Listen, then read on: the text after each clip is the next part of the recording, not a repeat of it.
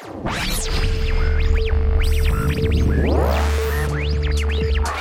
are daily online media built for passionate Indonesian women in digital era. Glitz Media would like to empower women to be bold and think outside the box.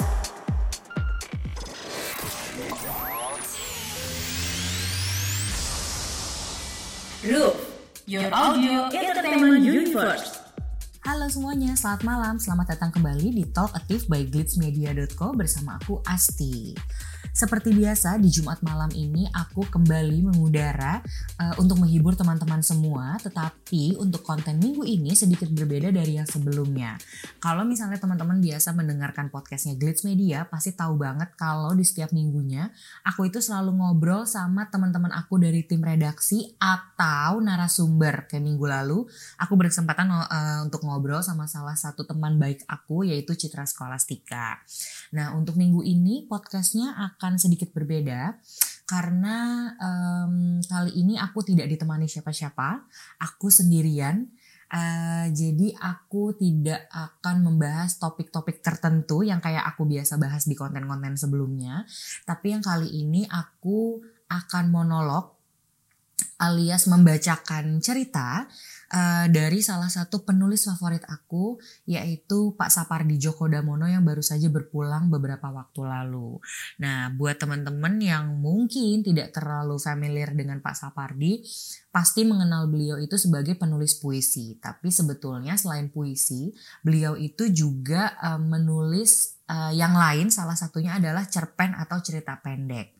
Nah, kali ini untuk uh, mengenang uh, sosok Pak Sapardi, aku mau membacakan salah satu cerpen beliau yang uh, uh, diterbitkan dalam kumpulan uh, cerpen atau dalam satu buku judulnya Sepasang Sepatu Tua. Jadi Sepasang Sepatu Tua itu adalah kumpulan cerpen kurang lebih ada 10 cerpen, semuanya adalah karyanya Pak Sapardi. Dan dari 10 cerpen itu uh, salah satu favorit aku itu ada judulnya adalah Arak-arakan Kertas. Nah, kali ini aku mau mencoba untuk membacakan cerita uh, Arak-arakan Kertas ini untuk teman-teman semua. Semoga berkenan dan semoga teman-teman bisa menikmati. Arak-arakan kertas. Jalan di depan rumahku yang biasanya tidak pernah tidur, malam ini berbaik hati menawarkan kebahagiaan padaku. Sepi. Pohon kenanga yang kami tanam sejak menghuni rumah 25 tahun yang lalu tampaknya ikut menyumbangkan suasana sepi yang bagi yang suka curiga terhadap segala sesuatu bisa saja menumbuhkan rasa ngeri. Aku selama ini bertahan untuk tidak ikut kelompok yang seperti itu, meskipun malam-malam baunya sering membuatku terbangun. Jalan di depan rumahku tampak bergelombang oleh bunyi sunyi. Aku selalu merasa bahagia mendengarnya. Entah dari mana datangnya, tiba-tiba muncul dari arah timur anak-anak tiga, lima, sembilan, beberapa puluh jumlahnya lewat di depan rumah tanpa suara.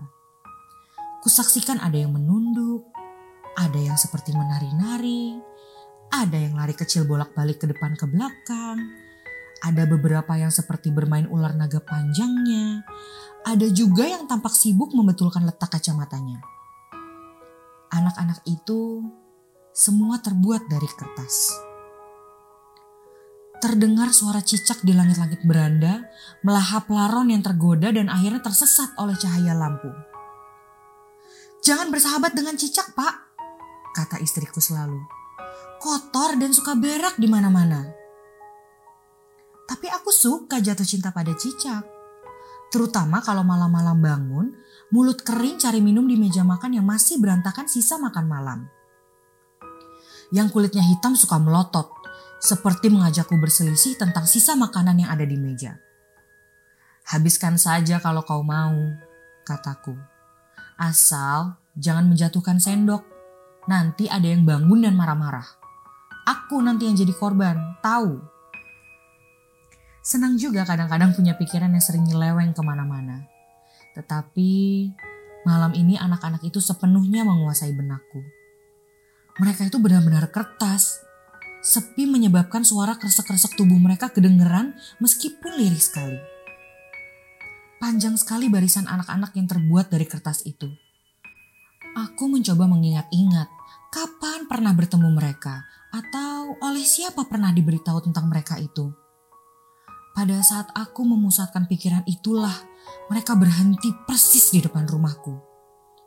Ujung barisan itu entah sudah sampai di mana dan pangkalnya entah masih di mana.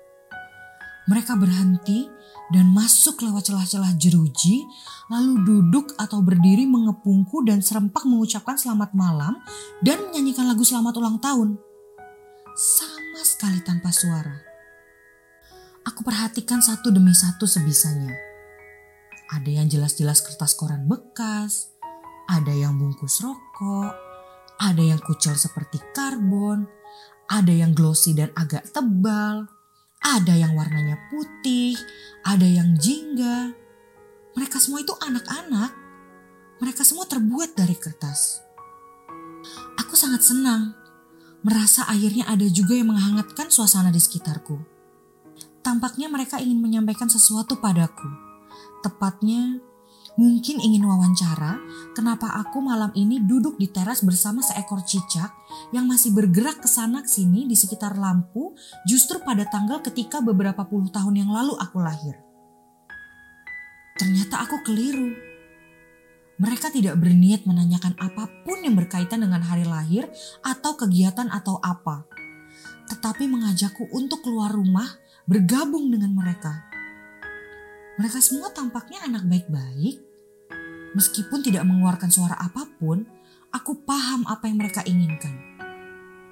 Tanpa bertanya kenapa mereka mengajak, aku ikuti mereka keluar pekarangan berjalan ke arah barat sepanjang jalan kompleks yang mula-mula rasanya pernah aku kenal, tetapi yang lama-kelamaan terasa semakin asing. Aku ikuti saja arak-arakan itu dan sama sekali tidak terasa sedikit demi sedikit seluruh tubuhku berubah menjadi kertas. Kami berjalan dengan sangat tertib menyusuri jalan di sekitar kompleks dan sampai di gerbang tak ada kulihat apa pun yang melintas dan ketika sudah beberapa lamanya menyusuri jalan raya, arak-arakan berbelok ke kiri tanpa sama sekali terdengar aba-aba. Tidak ada sama sekali yang mengeluarkan suara. Beberapa waktu lamanya kami menyusur jalan raya, aku mulai mencium bau asap kertas dibakar. Dari kejauhan, aku saksikan api kemerah-merahan mengepul, mengeluarkan asap hitam yang tampaknya mau menggapai langit malam. Aku suka langit, terutama langit malam. Tetapi yang tidak diganggu oleh kepulan debu dan asap. Dan sekarang aku berbaris dengan anak-anak yang semuanya terbuat dari kertas yang dengan sangat rapi menuju lapangan yang aku bayangkan sebagai tempat pembakaran kertas. Aku sudah menerima ajakan anak-anak itu dan dengan tertib dan dengan tenang mengikuti mereka mendekati lapangan itu.